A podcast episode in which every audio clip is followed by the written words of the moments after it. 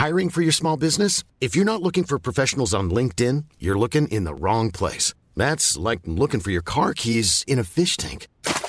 LinkedIn helps you hire professionals you can't find anywhere else, even those who aren't actively searching for a new job but might be open to the perfect role. In a given month, over 70% of LinkedIn users don't even visit other leading job sites. So start looking in the right place. With LinkedIn, you can hire professionals like a professional. Post your free job on linkedin.com slash people today.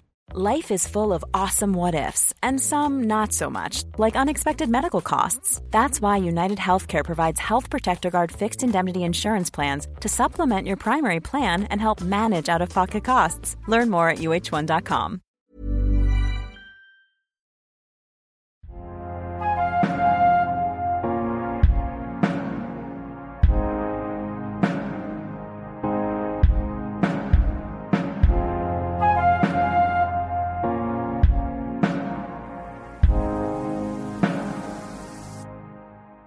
Welcome to Stories from Humans to Humans, a podcast where people tell their stories. I dagens avsnitt ska vi få ta del av Diana Melkissons historia. Allting började med en bilolycka. Vi ska få ta del av allting som förändrades därefter.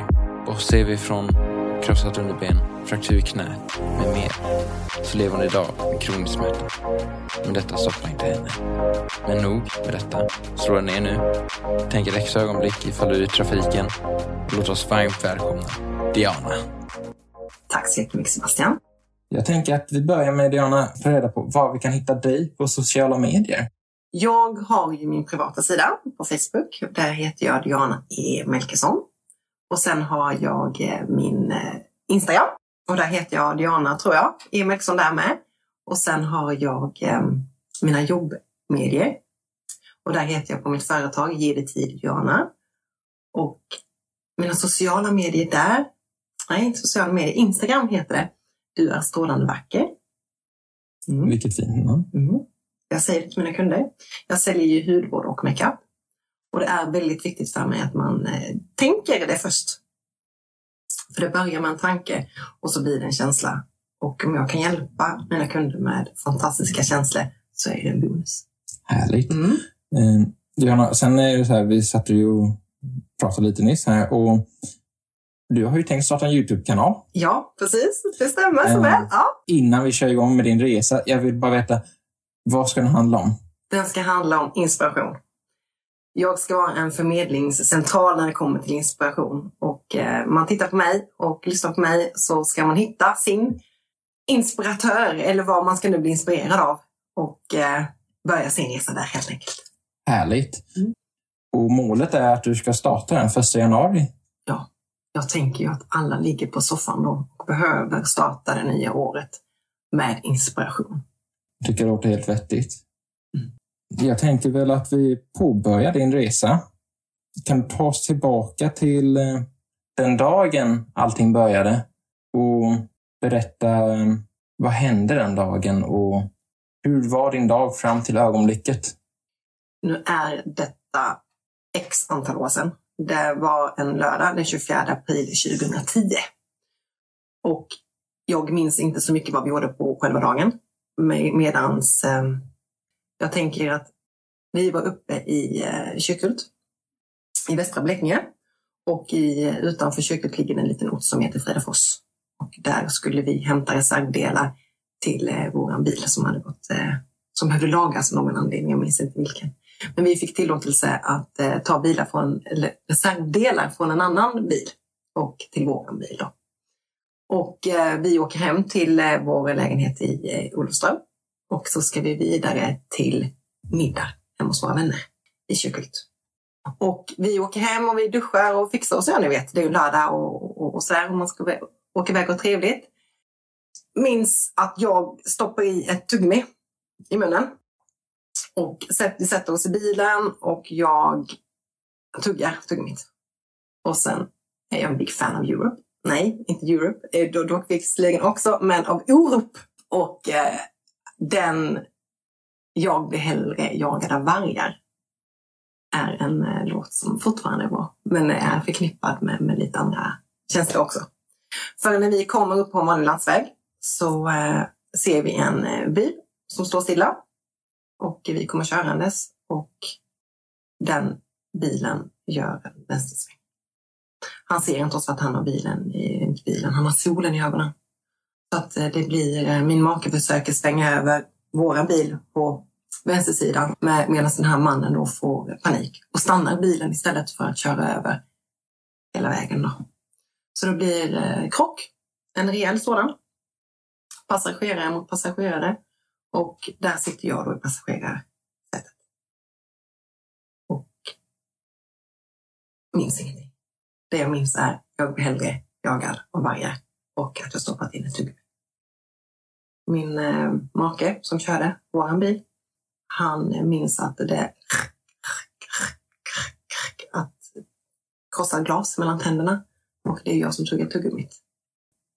Han, var, han minns ju allt för att han, eh, det var jag som fick smällen då. Han fick ett jack på, i örat och slog i lite på armen och är vägen då, så att han fick lite bränsle på näsan. Men han minns ju allt, jag gör ju inte det, för jag satt ju helt fast.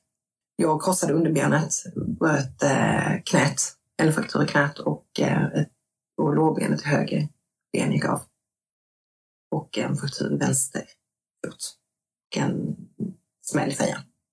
Jag minns inte någonting i olyckan. Bara känslan.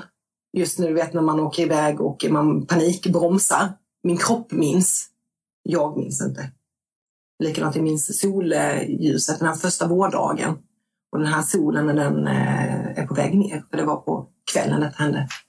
Och det minns jag. Kroppsligt minns jag det, men inte, inte i minnet. Och han, ehm, han är med då, Marcus, och jag sitter och... Så det är lite hans tankar och känslor som jag har lite fått ta del av, som nästan har blivit som mina. Fast det inte är det.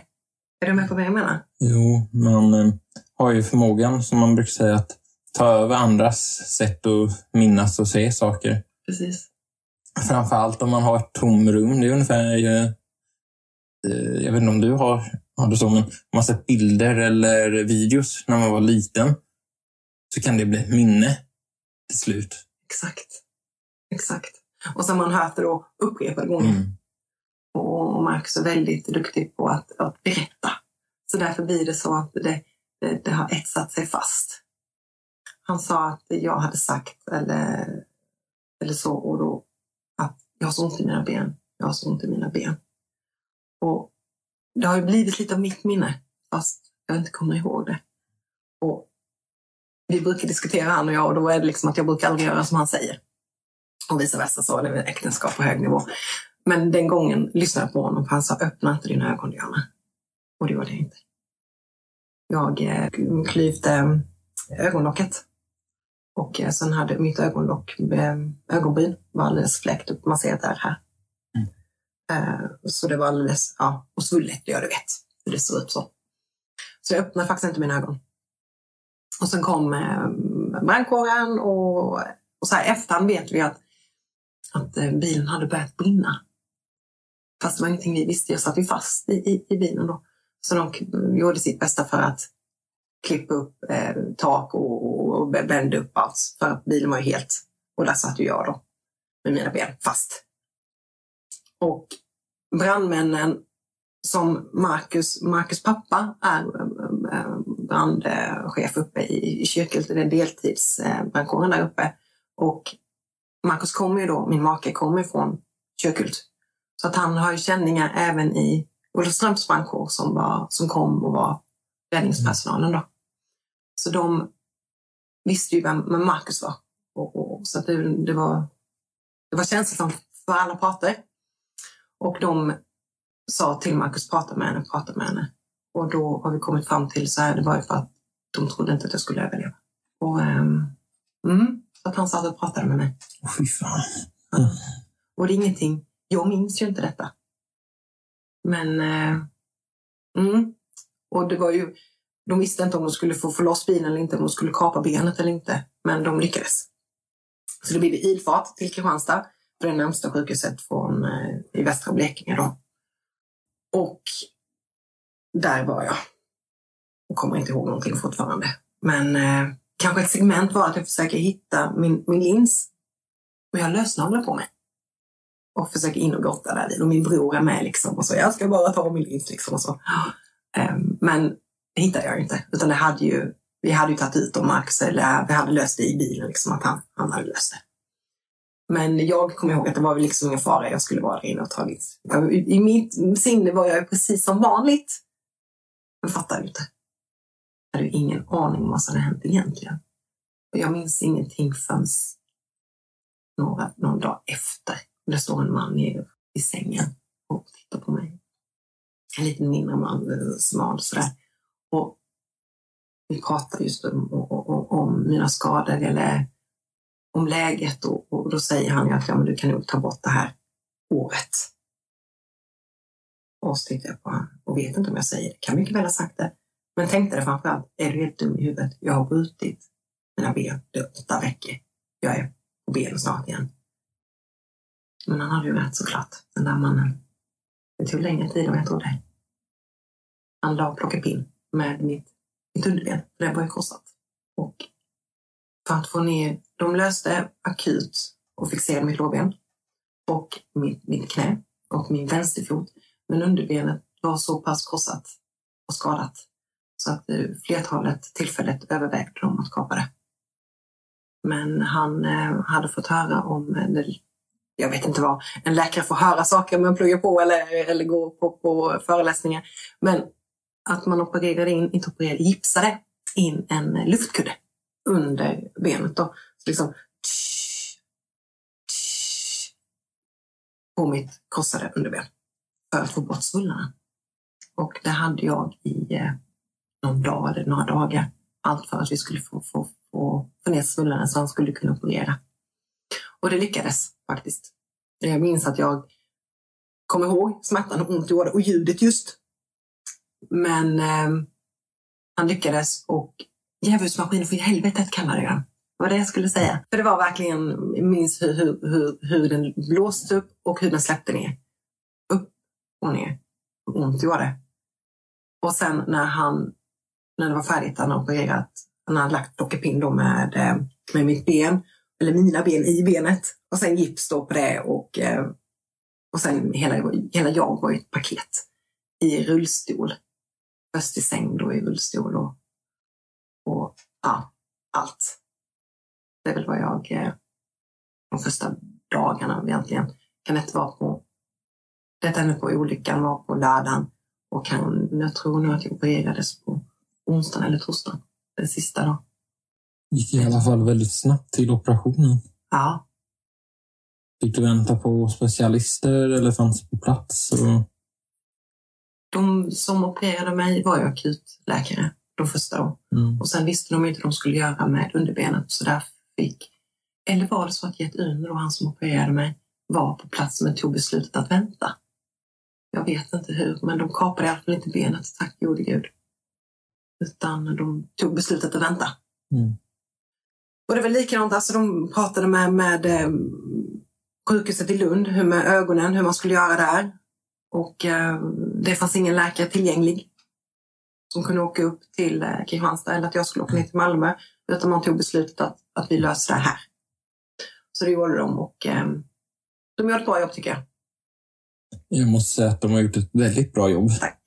Man ser inte, ja, lite grann ser man ärr på ena ögonbrynet ja. där. Men annars så ingen aning. Nej. Men sen jobbar du med smink med, så det kanske är proffsjobb bakom det. Exakt. Och sen just med, man tänker inte på detta med, med eh, hudkräm, vilket under det kan göra för huden. Utan, det är eh, fantastiskt. Mm, det är det, eller hur? Du har ett eget där och mm. eh, tar du hand om det? Bättre innan, men eh, jag kan säga att det har blivit så mycket bättre när man använder det. Ja, just att det blir mjukare. Mm. Och det fick jag tipset från början då med alla mina ärr på benet framför allt. Att håll det mjukt. Håll det mjukt, håll det mjukt. Och gudarna ska veta att min hud är mjuk. För att jag tar hand om den. I form av egentligen, om man ska bagatellisera det lite, med lite kräm. Som gör under för huden.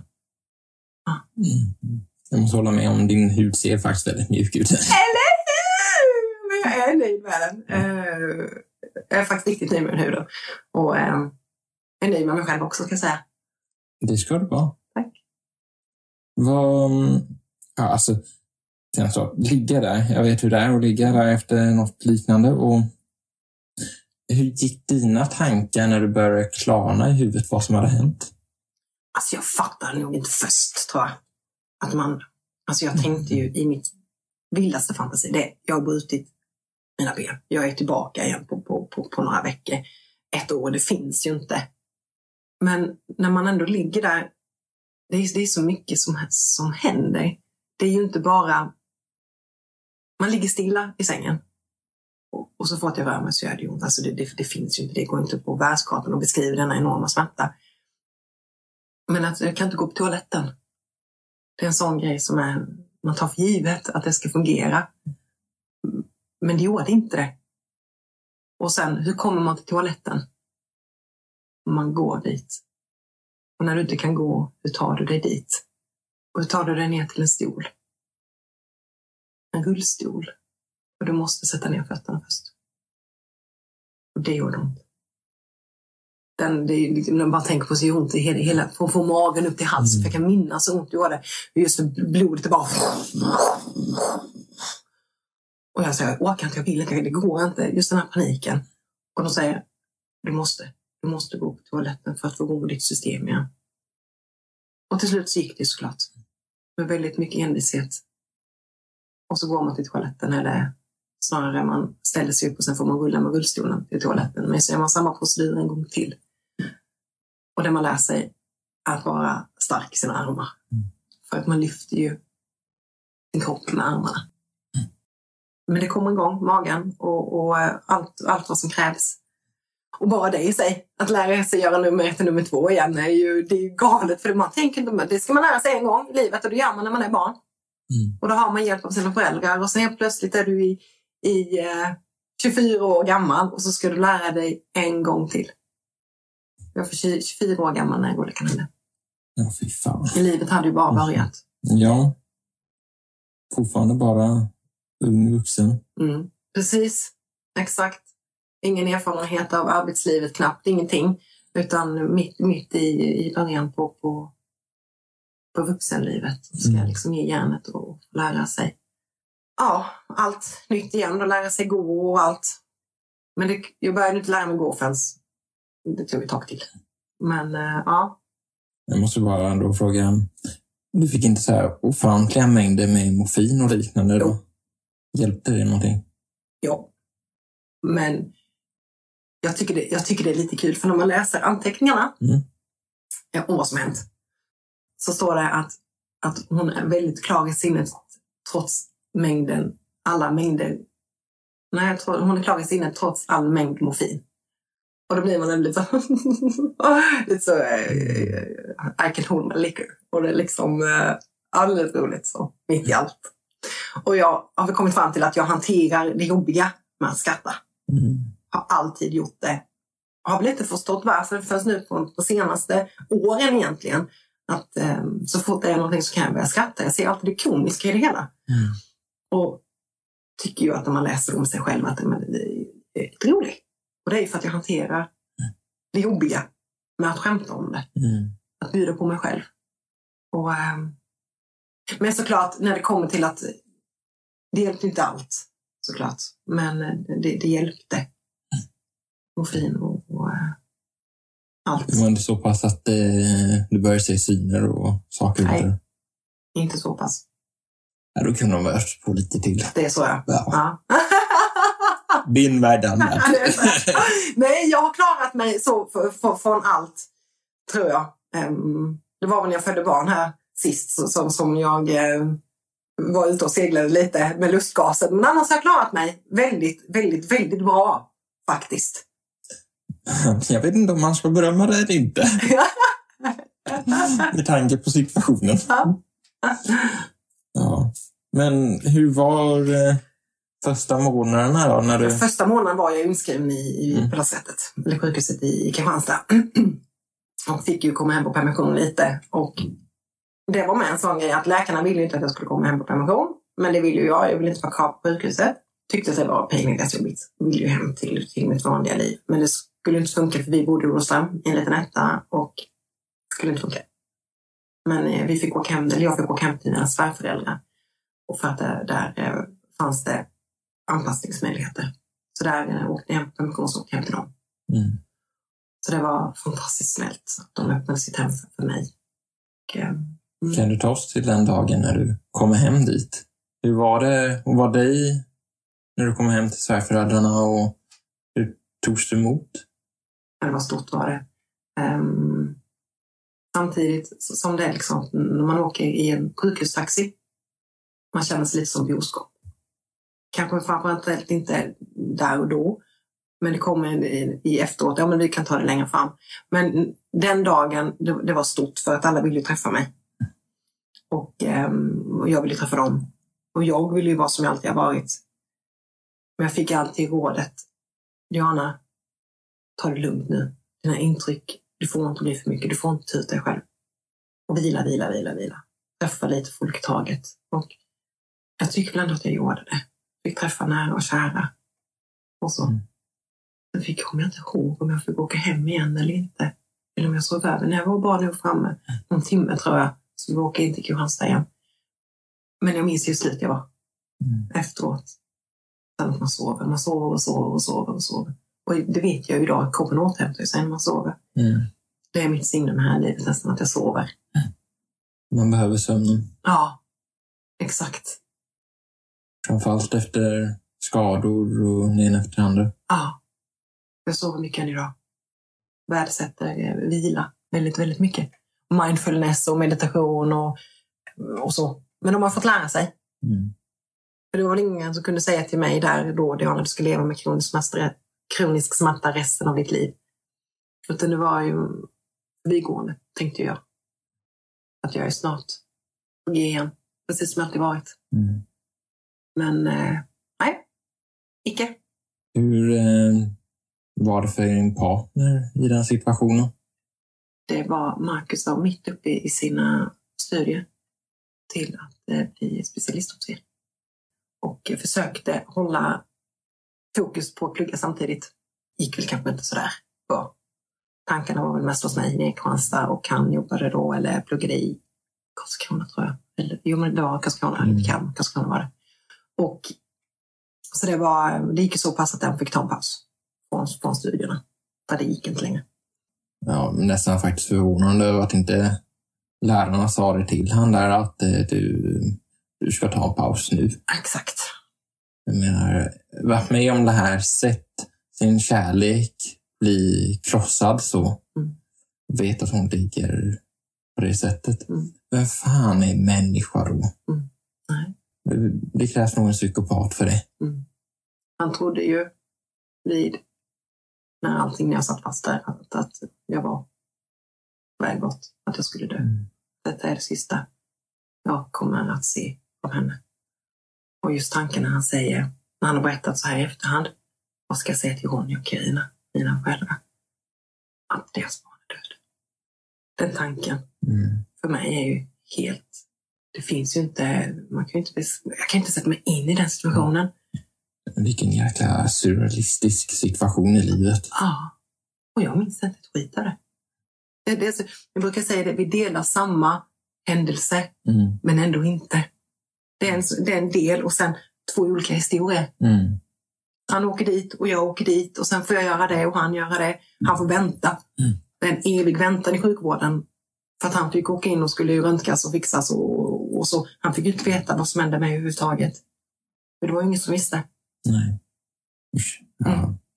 Sjukvården, eh, man måste ge dem beröm, Mm. men eh, Det finns pot- förbättringspotential. ja, när två individer så pass skadade så kan man ändå få lite info. Mm. Eller en anhörig kan, kan få höra någon gång då och då någonting. Precis. Men inte i detta fallet. Mm. Men jag kom ju på avdelningen och så fick han ju träffa mig sen tror jag. Ja, jag kommer inte ihåg som sagt. Mm. Det är ganska frestande. Man är där men ändå inte där.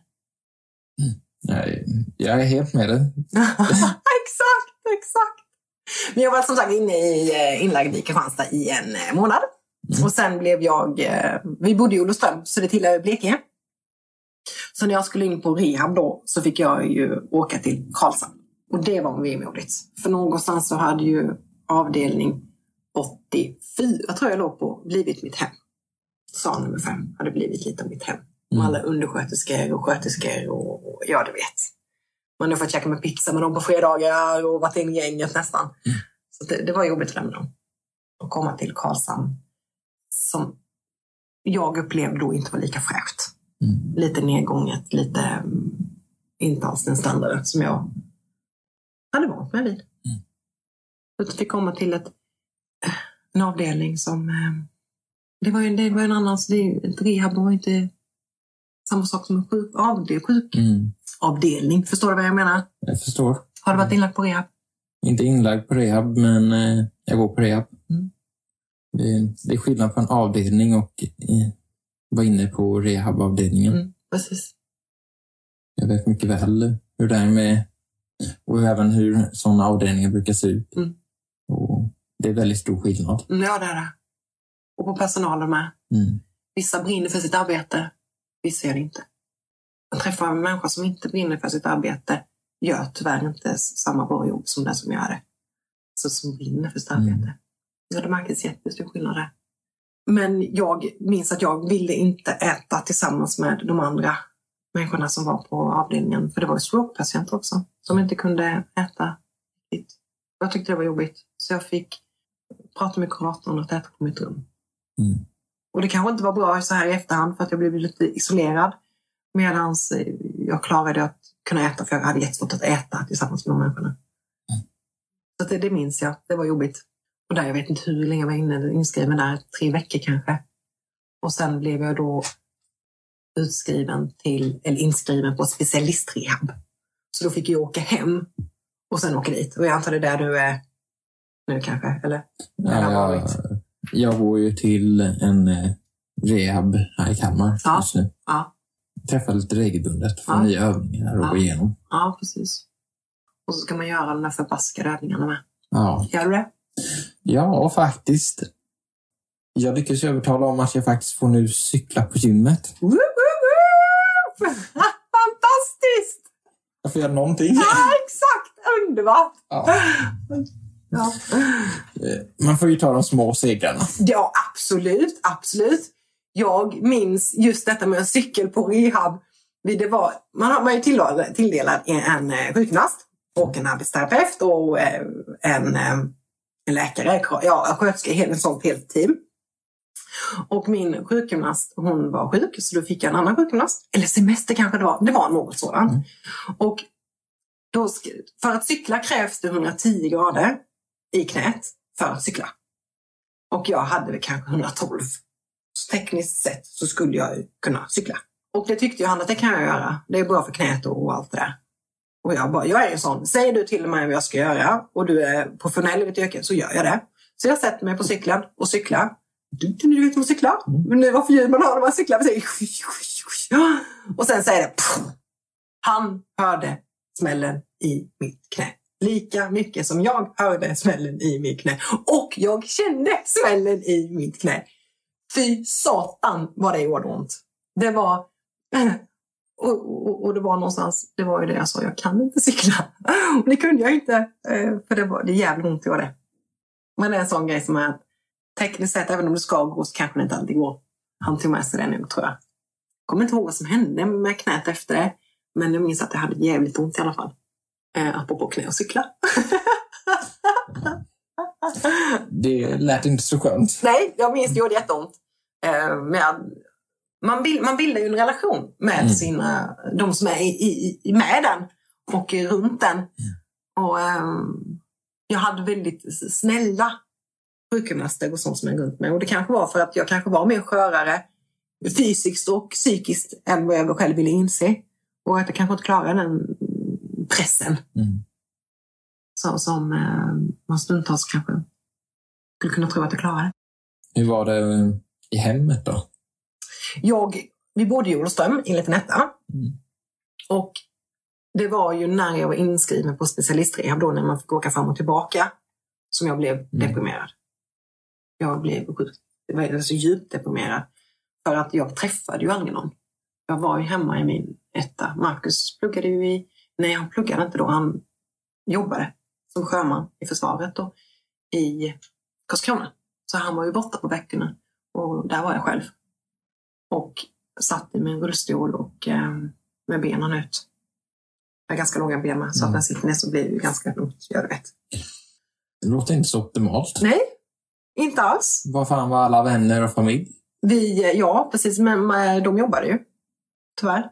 Men eh, pappa var uppe och hjälpte mig ibland, hälsade på mig ibland. Och, och någonstans så är det ju att allas liv fortsätter rulla på. Och det blir ju gamla nyheter. Jag var ju deprimerad i, eller jag blev deprimerad på höstkanten. Och detta Mm. var ju i april. Så det var ett halvår ungefär. Ish. Så man märkte att det gick djupt nerför. Och när de pratade med mig så ville jag inte prata med olyckan. Jag ville inte prata hur jag mådde. Jag ville ju vara den gamla Diana. Den som var sprallig och glad och Mm vara nästa fest och ja, du vet, som man är i, i, i den åldern och jobbar på och, och allt. Så därför blev det väl att de fick väl inte ut det de ville ha. Och jag berättade väl aldrig heller riktigt att nu vill jag att ni ringer mig för att jag mår jättedåligt. Utan jag blev själv. Jag hade mina, mina närmsta. Och den absolut, de två närmsta, ja de tre blev det ju. Det är ju min mamma, min bror och framförallt min make. Och mamma ringde bara, hon kunde bara ringa för att höra min röst. Och min bror, vi pratar ju precis som, som syskon gör. Så. Och maken då är ja, det är han man bråkar mest med om man säger. Men eh, nej, det var, det var de tre som fanns i vardagen. Så skulle man ut och göra någonting så, så var det ju att man, man laddade och peppade och sen gjorde man det och så var man glad under tiden. Och sen när man kom hem så var man ju helt död. Och då kunde man vara död i, i dagar efteråt. Mm. För det krävs både mental styrka för att göra det och genomföra det och återhämta sig från det. Och eh, ja. Nej, jag var väldigt mycket själv. Och då gillade jag inte att vara själv. Men accepterade att alla runt omkring mig fortsatte med sina liv. Och jag hade inte vänner nära mig på orten utan de var ju långt, lite längre ifrån. Och gled ifrån varandra. Tyvärr. Det är då man önskar att man hade en arbetslös vän som bodde i närheten. Mm. Precis, exakt. exakt. Eller just att man kanske vågar, vågar kolla en gång till Mm. som vän. Men hur mår du egentligen? Se bortom det där Mm. leendet eller fråga den där. Och det tror jag att jag har idag. Eller är nästan säker på att jag har flera vänner idag som skulle fråga den där.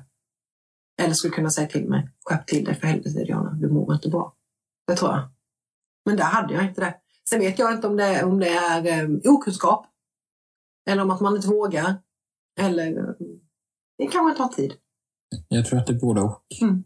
Det kanske är någonting som borde upplysas mer med sjukvården när någon har varit med om något sånt här. Att se till att vänner och familj och allting sånt.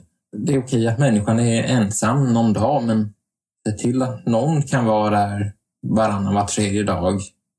Umgås och vara där och försöka vara som normalt. För att ofta så, precis som du säger, att man vill ju vara sig själv.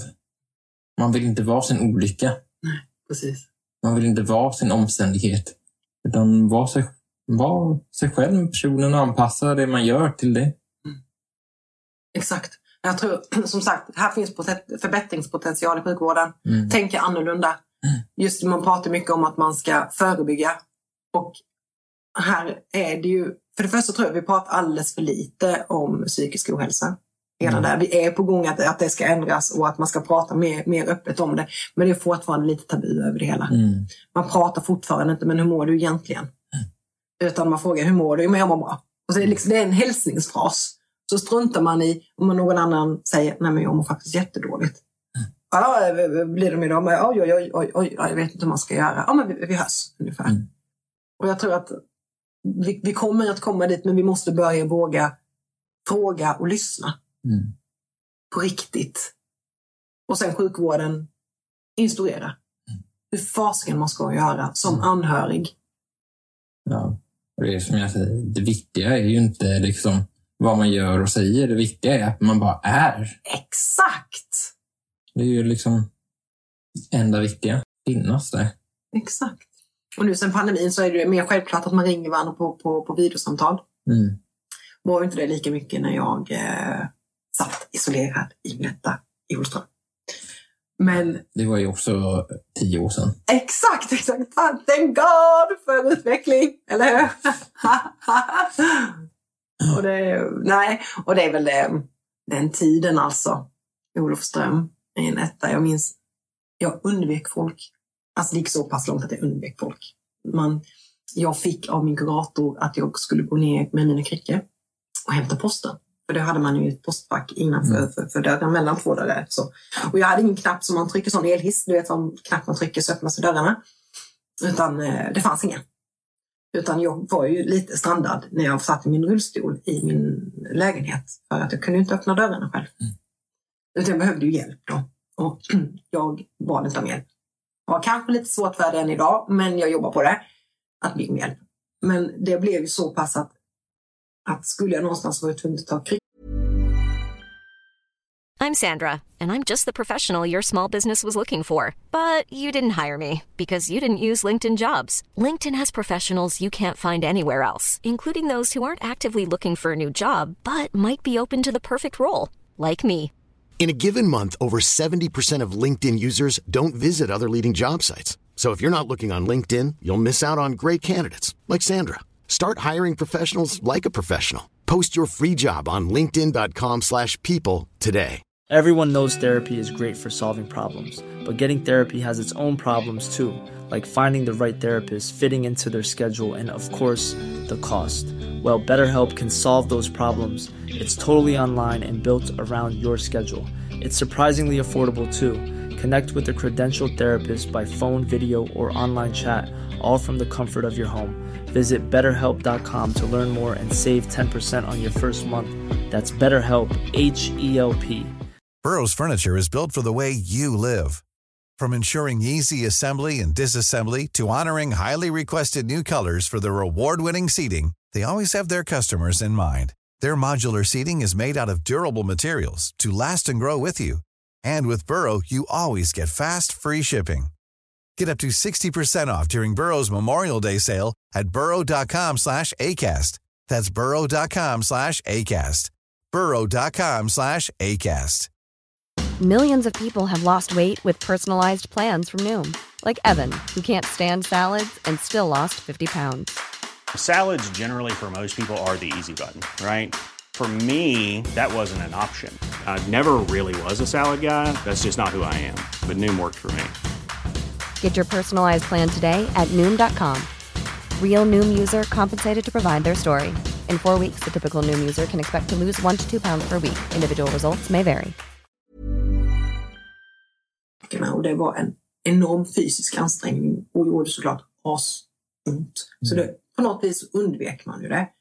Men det jag undvek mest var att träffa människor. Så då stod jag och tittade i eh, heter nyckelhålet, titthålet då. Och tittade och lyssnade och kommer det någon? Nej. Och då kunde jag antingen ta hissen ner eller gå trapporna ner. Och jag ska väl säga att jag försökte det gick snabbast att ta hissen ner för jag har problem då med att gå trapporna.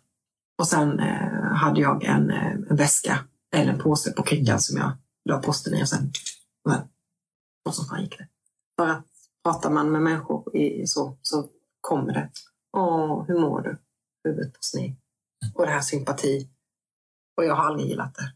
Tycker inte synd om mig. Hjälp mig istället till att må bättre. Visa mig hur jag ska göra. Jag vill inte ha någon offerkofta på, på mig, utan hjälp mig. Mm. Ge mig verktyg så jag kan må bättre. Och där tror jag det är viktigt även för den som är skadad. Mm. Att eh, låta folk fråga en först hur man faktiskt mår. För folk vet inte. Nej. Utan, precis som att de ska finnas där så behöver du vara mogen att berätta. Och det är jobbigt för man vill inte ha offerkofta. Jag, jag, jag förstår.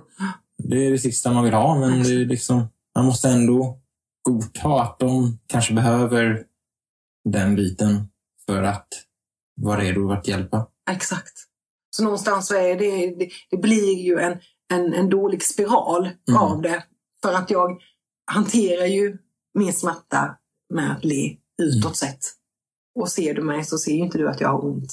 Du ser ju inte någonstans att jag har mitt högerben på, på din stol bredvid dig eller att jag sitter liksom och ler. Eller, ja, exakt vad du har, verkligen mitt högerben under. För det är så jag, det är så jag har, försöker sätta mig där jag eh, kan lägga upp mitt högerben.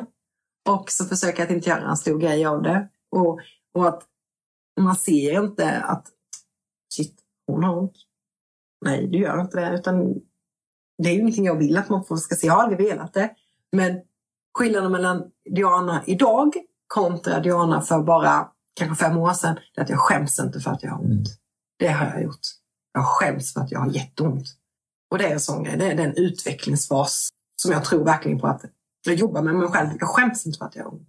Jag skäms inte för att jag ligger och sover och att det ringer en kund och säger men du har sökt mig. Då och då sov. Ja, säger jag. Du har det. Du vet när man låter lite sömn eh, sådär. Mm. Jag jobbar på att, att säga nej, jag skäms inte för att jag gör det. Med tanke då på psykiska ohälsan och allting det här och att du skämdes på den tiden över allting. Mm. Hur var relationen i hemmet? Den kan ju inte bli bättre av allting. Nej, alltså det... Någonstans är det att våran, min och makes relation har blivit stark. Något djävulskt. När jag mådde bättre, typ ett och ett halvt år, kanske två år efter olyckan, så blev ju han, fanns det utrymme för han mm. att, att falla. Och det är alltid han som har varit den, den, den stöttepelaren. Att jag har fått skälla på honom eller du vet man har en dålig dag eller, eller ja, han har varit den som har varit den som har fått mest skit. För det är väl lite det man går in i ett äktenskap med. Mm. Att man delar livet med och allt med. Och det är ju det dåliga. Han, han är ju den som är min klippa. Mm. Har varit det. Kommer nog alltid att vara det i, i alla lägen. Och, um, utan han hade jag inte suttit där. Så enkelt är det ju. En fantastisk fin människa. Och, och de andra två nära relationerna är ju mamma och min bror. Och, det, och jag hade ju inte varit den jag är utan dem. Det är de jag fortfarande ringer. Det är fortfarande de som, ja, som är det nära. Och eh, när Marcus då blev eh, deprimerad så, han jobbar i Försvarsmakten och, och det finns väl en, en kultur där, eller har varit i alla fall, att, att man ska inte vara svag. Man ska inte visa sig vara svag, man ska vara stark. Och det gick väl så pass långt att jag hotade med, tar inte du Ringer inte du och säger till din chef att du behöver prata med någon så kommer jag göra det. Vilket är värst. Mm. Och, och det slutade med att han själv ringde då. Och fick den hjälpen han behövde. Inte första gången, för då fick han träffa en, en, en, en människa som inte klickade med. Och då blev det att han inte pratade med någon. Men andra gången då så fick han möjligheten att träffa en fantastisk människa som hjälpte honom på det viset han behövde. Mm. Och det är väl det som är att man ska hitta någon människa man, man klickar med. Man ska våga visa sig eh, alla sidorna. Och så ska någon professionell sitta och, och hjälpa en. Mm. Och klickar man inte med den människan som sitter framför en, då öppnar man sig inte. Och då får man inte den hjälpen man behöver. Så det var, det var bra att han fick träffa sin människa och, och må bra. Mm. Väldigt sant. Ja. Det är någonting som många eh, tror jag gör fel är ju att de kanske träffar en, ja. men de klickar inte. Exakt. Det är ju liksom ett lotteri vem du träffar.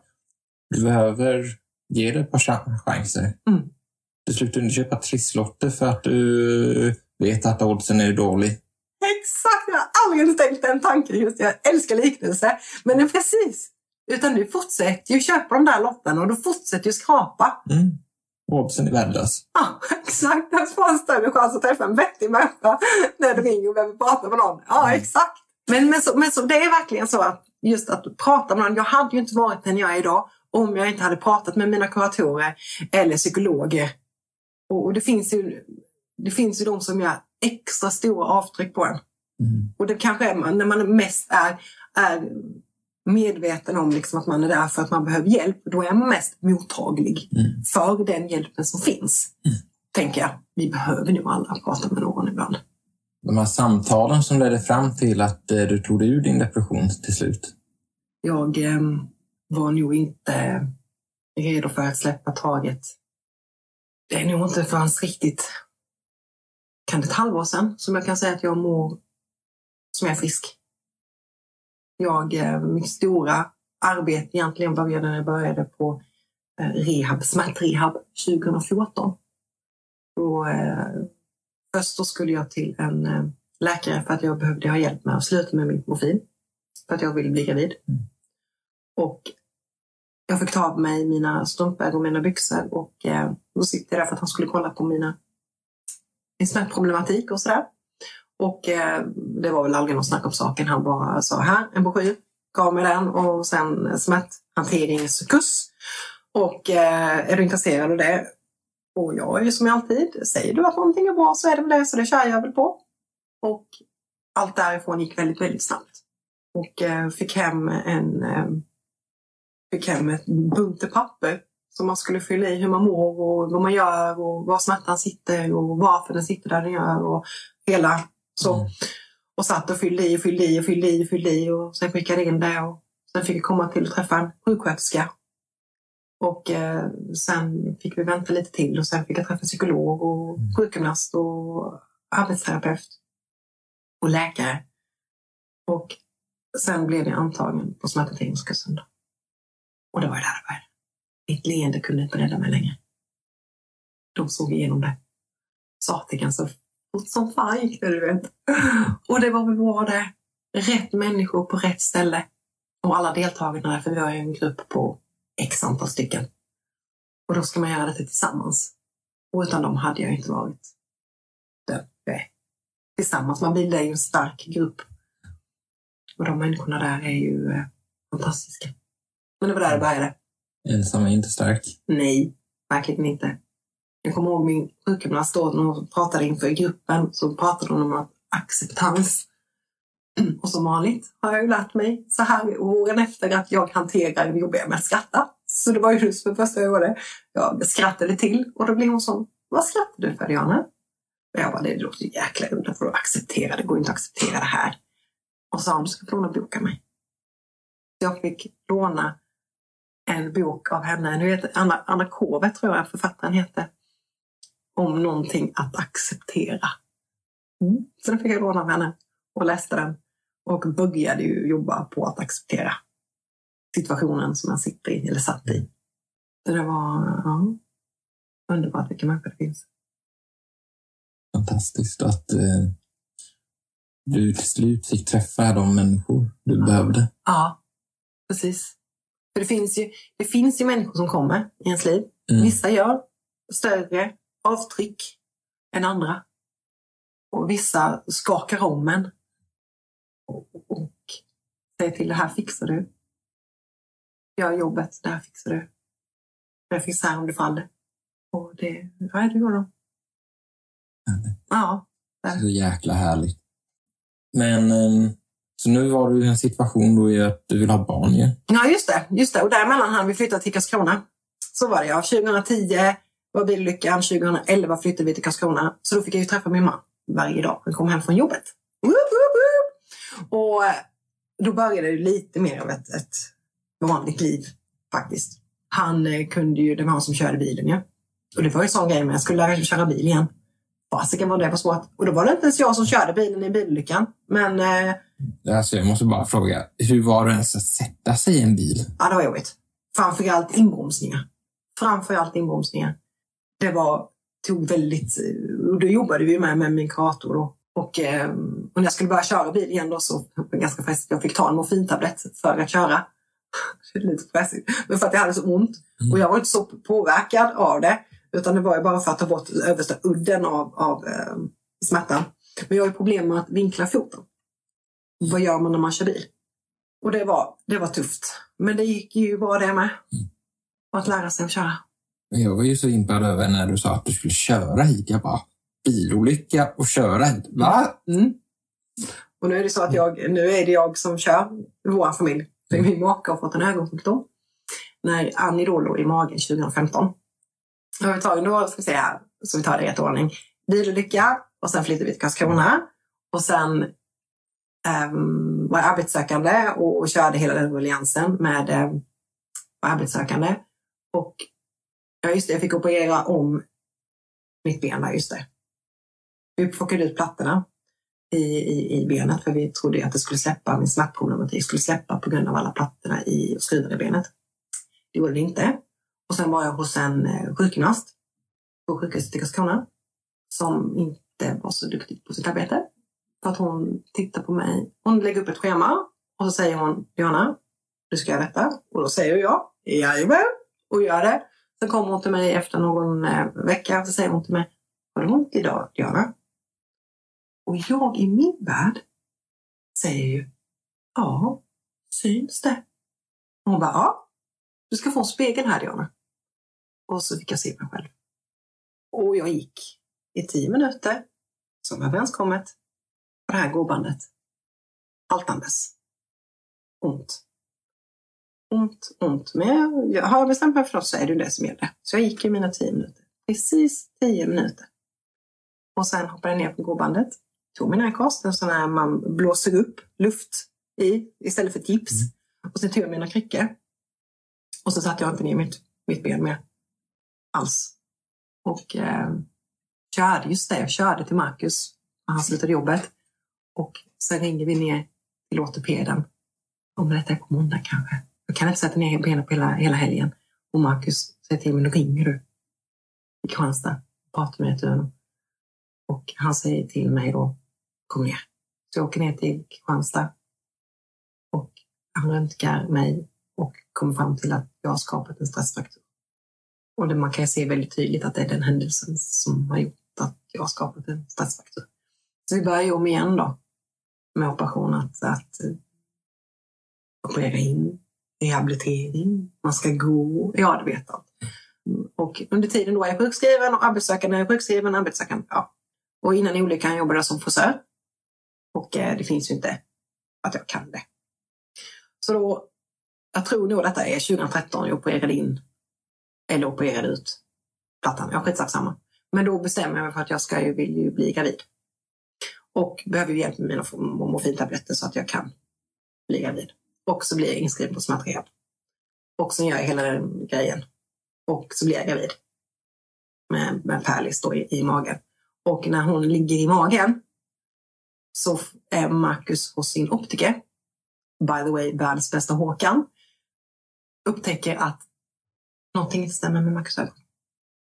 Får en eh, remiss till en läkare, i, en ögonläkare i Karlskrona. Och han tittar på det och eh, säger att mm, ja, mm, du behöver åka ner till Lund och få eh, vidare undersökningar där nere. Så det är vi. Vi åker ner dit. Och där kommer ju beslutet då, eller beslutet, om man nu säger. Han, eh, diagnosen heter det. Han har retinal typ, eh, tappdystrofi. Och det innebär att han eh, inte har något fokusseende. Så alla, det som gör att man har fokus kommer att försvinna helt på båda ögonen. Man kommer bara ha perifrit. Och det har buggat på höger öga rejält då. Och det kommer att komma på båda. Så um, det var väl ingen som trodde att det skulle gå så snabbt. Och det händer, den, denna diagnosen är bara typ på ehm, äldre människor. Så det är ingen som gör vidare forskning på dem. Som också är ganska unik i, med denna ögonsjukdomen. Då. Så nu har slutat med att eh, sedan några år tillbaka kör inte Marcus bil längre. Det är bara jag som kör bil.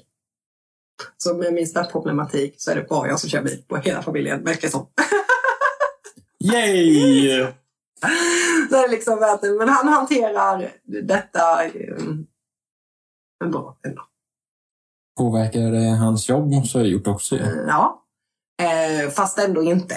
Han eh, började och slutförde sin, sina studier igen i, som specialistofficer. Så gjorde sin eh, här i Kalmar på eh, Sjöfartshögskolan, heter det så? Mm. Yeah. Så det, han har gjort färdigt allt och eh, han fick ju aldrig godkänt på sitt eh, intyg, hälso och sjöintyg i Försvarsmakten. Men eh, sökte hos, alltså att han skulle få igenom det för att han kunde göra sitt jobb ändå. Men det gick aldrig igenom. Och så nu är han eh, huvudlärare nu efter årsskiftet i, på SSS, Sjöstridsskolan i eh, Karlskrona. på maskindelen. Då. Så att det, det löste sig Vad till skönt. slut. Ja, han är fantastiskt duktig på att lära ut. Han lärde mig senast i förrgår hur man skär bröd. Alltså katastrof på att skära bröd. Alltså riktigt katastrofdålig. Du vet, det finns inte en skiva som är en rak. Du vet, antingen en astjock, astjock, ja du vet, katastrof. Så lärde han mig det nu eh, i, i, eh, för några dagar sedan där året, hur man gör. Och det bara tog han liksom. Strunta i hur brödet är Diana. Håll kniven rakt i förhållande till skärbrädan. De första skivorna kommer se för jävligt ut, men de andra kommer bli bra. Om du håller kniven rakt förhållande till skärbrädan. Och han bara tittar på mig när jag färg, färg, skuttfärgat dem. Så säger han, Diana, detta är de mest perfekta brödskivorna du någonsin skurit. Och då blev man, yes! Men det, han är fantastiskt duktig på att lära ut. Så han har hittat hem. Härligt. Ja, jag tror på riktigt att det här kommer bli så jävla bra. Han är otroligt duktig. Ja. Hur tog du det här då, att han hade ja, fått en ögonsjukdom? Alltså först tänkte jag ju att det där kan man operera. I dagens läge kan man ju operera allt. Så gå inte händelserna i förväg här nu Marcus, utan eh, sakta men säkert så kommer det lösa sig. Och när vi satt nere i, i Lund och fick eh, beskedet att det här går inte att eh, rädda, operera, ingenting, utan återigen acceptera. Så tänkte jag nog på hur svårt det skulle bli för, för honom. Hur jobbigt det skulle bli för honom. Och sen tänker jag väl så, som alltid, det löser sig. Och jag har ju haft mitt schyssta pappa, har kommit och hjälpt och kört och fixat och donat och sådär. Det jobbiga var nog när allt skulle bli att Max inte skulle köra bil längre, just när det kom.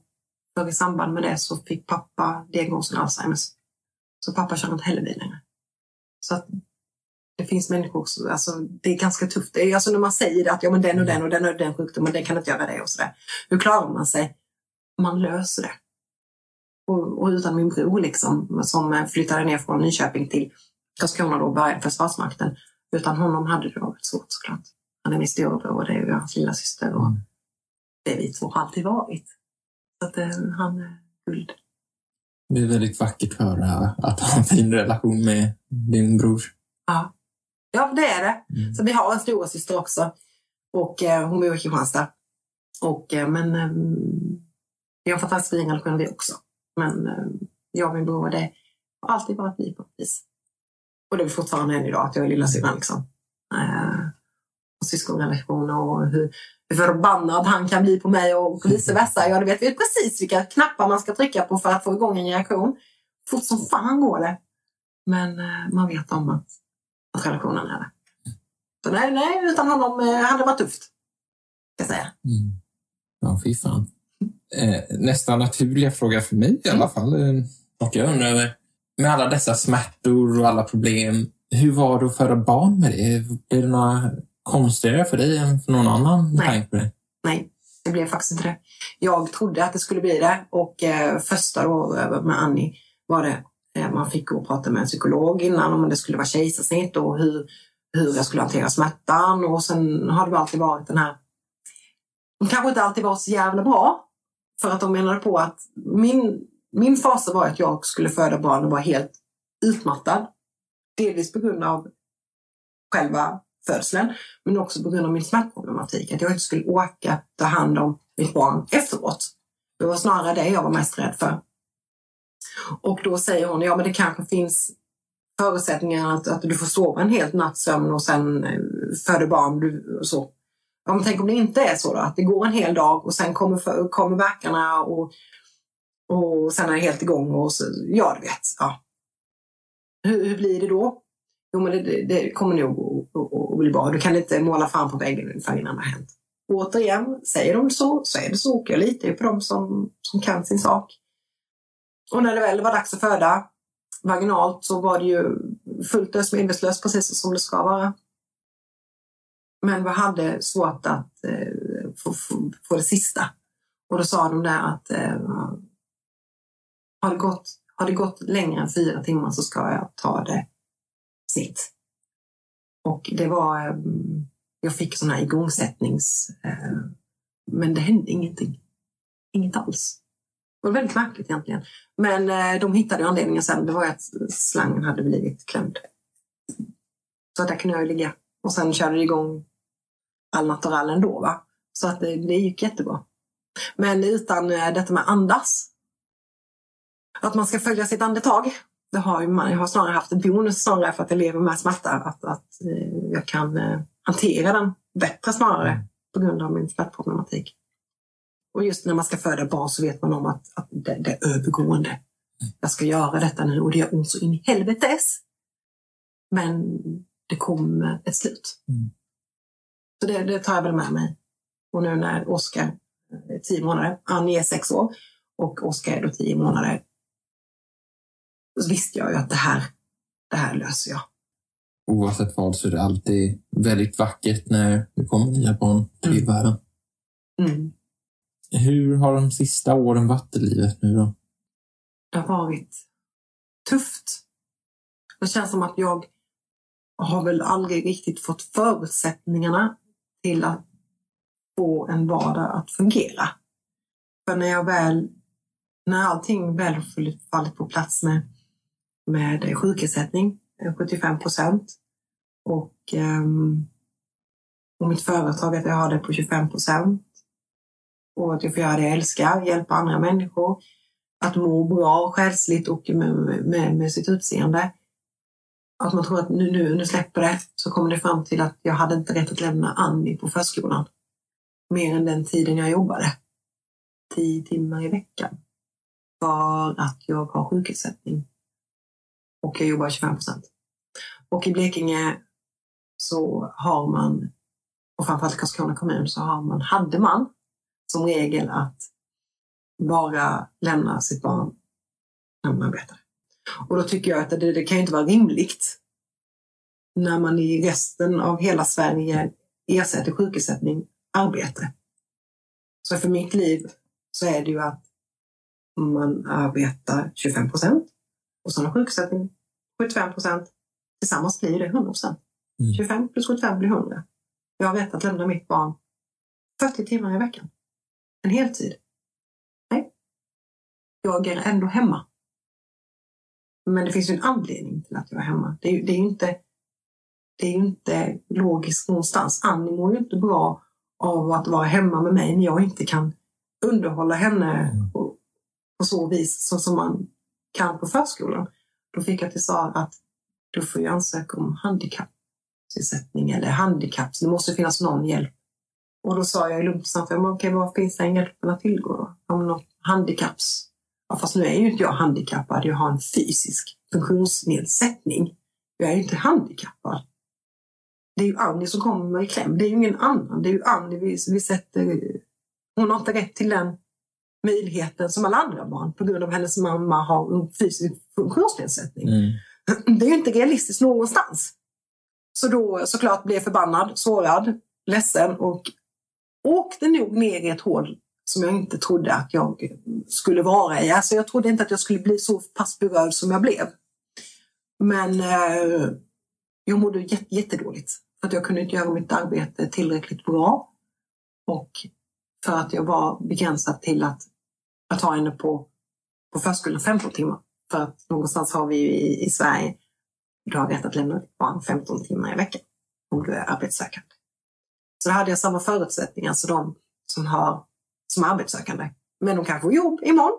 Och då skulle det ju vara piece of cake. Då är de, får deras barn vara, men inte mitt barn för att ja, jag har dem. Så då kom de fram till att eh, nej, men så här är det. Du kan få styra din egen tid när du jobbar. Men du får betala för den tiden du lägger. Du får betala för den tiden du har henne. Så då får jag betala för mina 15 timmar. Och jag får lämna henne när jag arbetar. Men eh, någonstans så blev det att jag vill inte att mitt barn ska få missa de där pedagogiska verksamheterna som de hade på morgnarna. Så då blev det ju ändå att jag satte henne på, på morgonen, morgnarna, eller förmiddagarna för att jag vill att hon ska ha det bästa. För det är väl någonstans därför vi skaffar barn till världen. Det är väl att vi ska göra fina människor av dem Mm. och vara förebild för dem och då måste vi ge dem rätt förutsättningar. Och någonstans så får de ju det i förskolan. Jag kan ju bara ta från mitt egna perspektiv att jag fick inte gå i förskolan. Eh, var, var från familjens sida. Men eh, man missar ju så mycket. Eh, den sociala konsten att lära sig umgås med andra barn och vuxna. Och vuxna som annars kanske ser att barnen kanske har dyslexi eller talsvårigheter och det ena för det andra. Allt det där går ju till miste om man inte låter barnen vara där. Så det är helt sinnesrubbat, håller jag med om, att bara för att någon har varit med om en olycka eller föds med någon konstig sak, att inte deras barn får gå i förskolan. Det är en stor del där de formas som människor. Du, där vill jag ge undan. Och sen att någon säger nej. Det nej, är med dig helt och hållet. Jag var ju mäktat förbannad Mm. och har ju vänner som är eh, politiskt, nu är inte han politiskt aktiv längre, men eh, han visste eh, vilka människor jag skulle prata med. Så jag ringde ju ordförande i kunskapsnämnden ofta, varje vecka. Det gick. För någonstans så är det ju politiskt Mm. och då behöver vi ändra det. Så när folk säger till mig att det inte går, funkar inte. Gör. Vi ska bara ändra det. Vi ska bara göra det. Mm. Och det gick. Sen att det tog tid. Men nu får Annie ha, nu går hon i förskoleklassen visserligen, då är det skolplikt, men hon har rätt till fritids. Och framförallt Oskar, min eh, son, då, har ju rätt att gå i förskolan mer än 15 timmar i veckan. Det borde vara en eh, lag som gäller hela Sverige. Tycker man. Men det är på, på eh, kommunnivå. Och det är något där som blir som... Man blir så förbannad att det inte är lika för alla. Utan det är människor som sitter och bestämmer och, och de kan ta helt fel beslut. Mm. För de ser inte människan bakom. Ja, de är ju ändå hemma. Ja, men det finns ju för fan anledning till att man är hemma. Mm. Och är det någon, om man ska ge förutsättningar för att en, en vardag som fungerar. Om jag nu behöver sova två timmar på dagen sp- spritt över hela dagen. Det är ju inte snällt mot Annie. Eller det är inte snällt mot barnet. Det som är synd är ofta att, att politikerna som har bestämt de här sakerna har aldrig sett det själva eller varit där. Eh, Det är därför det är så imponerande med vissa politiker som faktiskt ger sig ut i samhället och träffar folk hela tiden. Precis, vågar se, Mm. vågar göra något. Nu hade jag turen att, att få prata med en, en människa som var mänsklig och eh, vars parti riktar sig mot, att vara mänskliga. Mm. Att tillsammans kan vi göra den där förändringen för att alla ska må bra. Och jag hade turen. Så är man i Karlskrona kommun nu och har barn i förskoleklassen där man själv har sjukersättning så har man det bättre. På grund av att jag blev förbannad. Och eh, fick det till att lösa sig. Härligt. Ja, faktiskt. Och det, jag tror nog det var det som var startpunkten för att, eh, att jag kände, "Men herregud, jag kan. Jag kan eh, göra något, jag kan göra skillnad. Och, ehm, och just denna känslan av, av, att, av att må bra. Jag, där, efter det har jag fått möjligheten till att kunna arbeta med någonting jag gillar, älskar och må bra i det. Komma hem och vara trött precis som man är när man har jobbat, men må bra när man vilar och återhämtar sig för att sen kunna fortsätta och hitta en vardag som fungerar.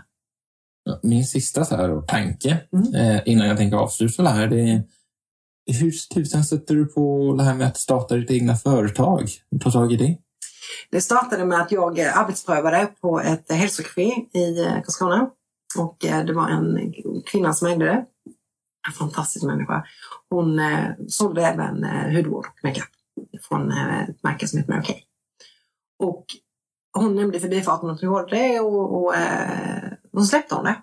Och jag skulle lite nyfiken för jag gillar ju skönhet, tycker det är kul. Så, så vi pratade lite och eh, sen fick jag möjligheten att eh, prova produkten. Och så beslutade jag mig för att eh, testa om detta kan vara någonting för mig. Och oh my god, det var det. Det var bara, jag testade och kollade, kan det vara någonting för mig?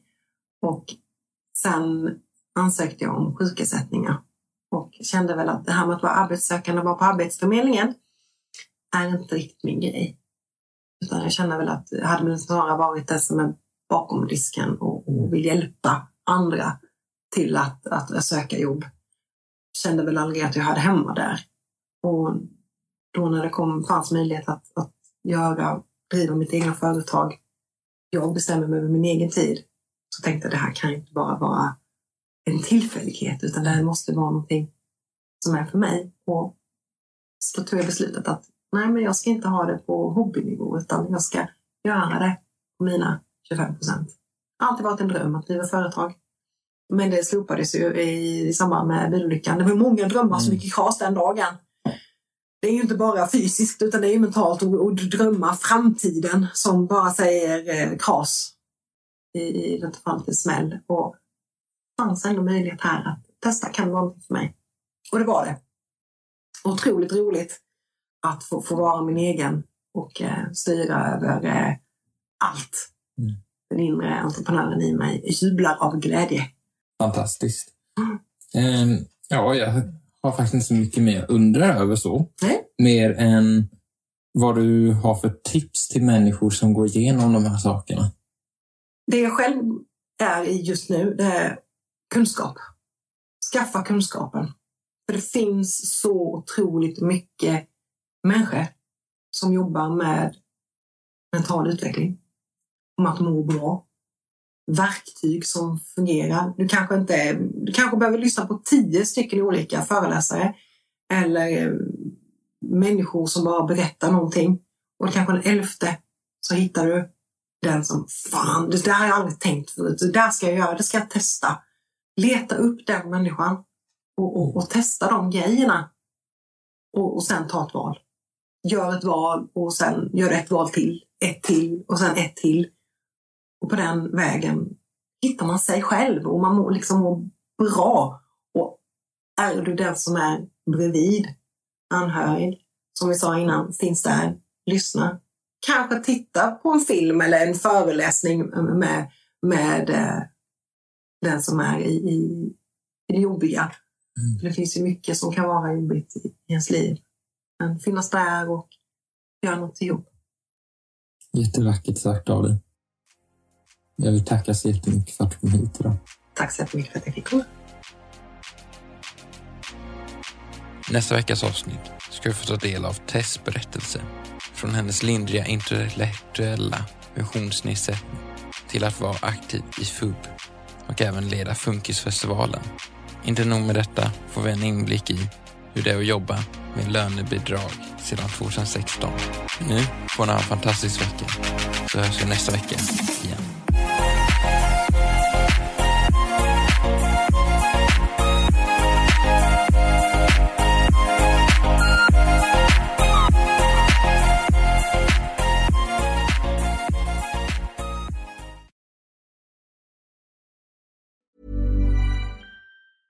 Planning for your next trip?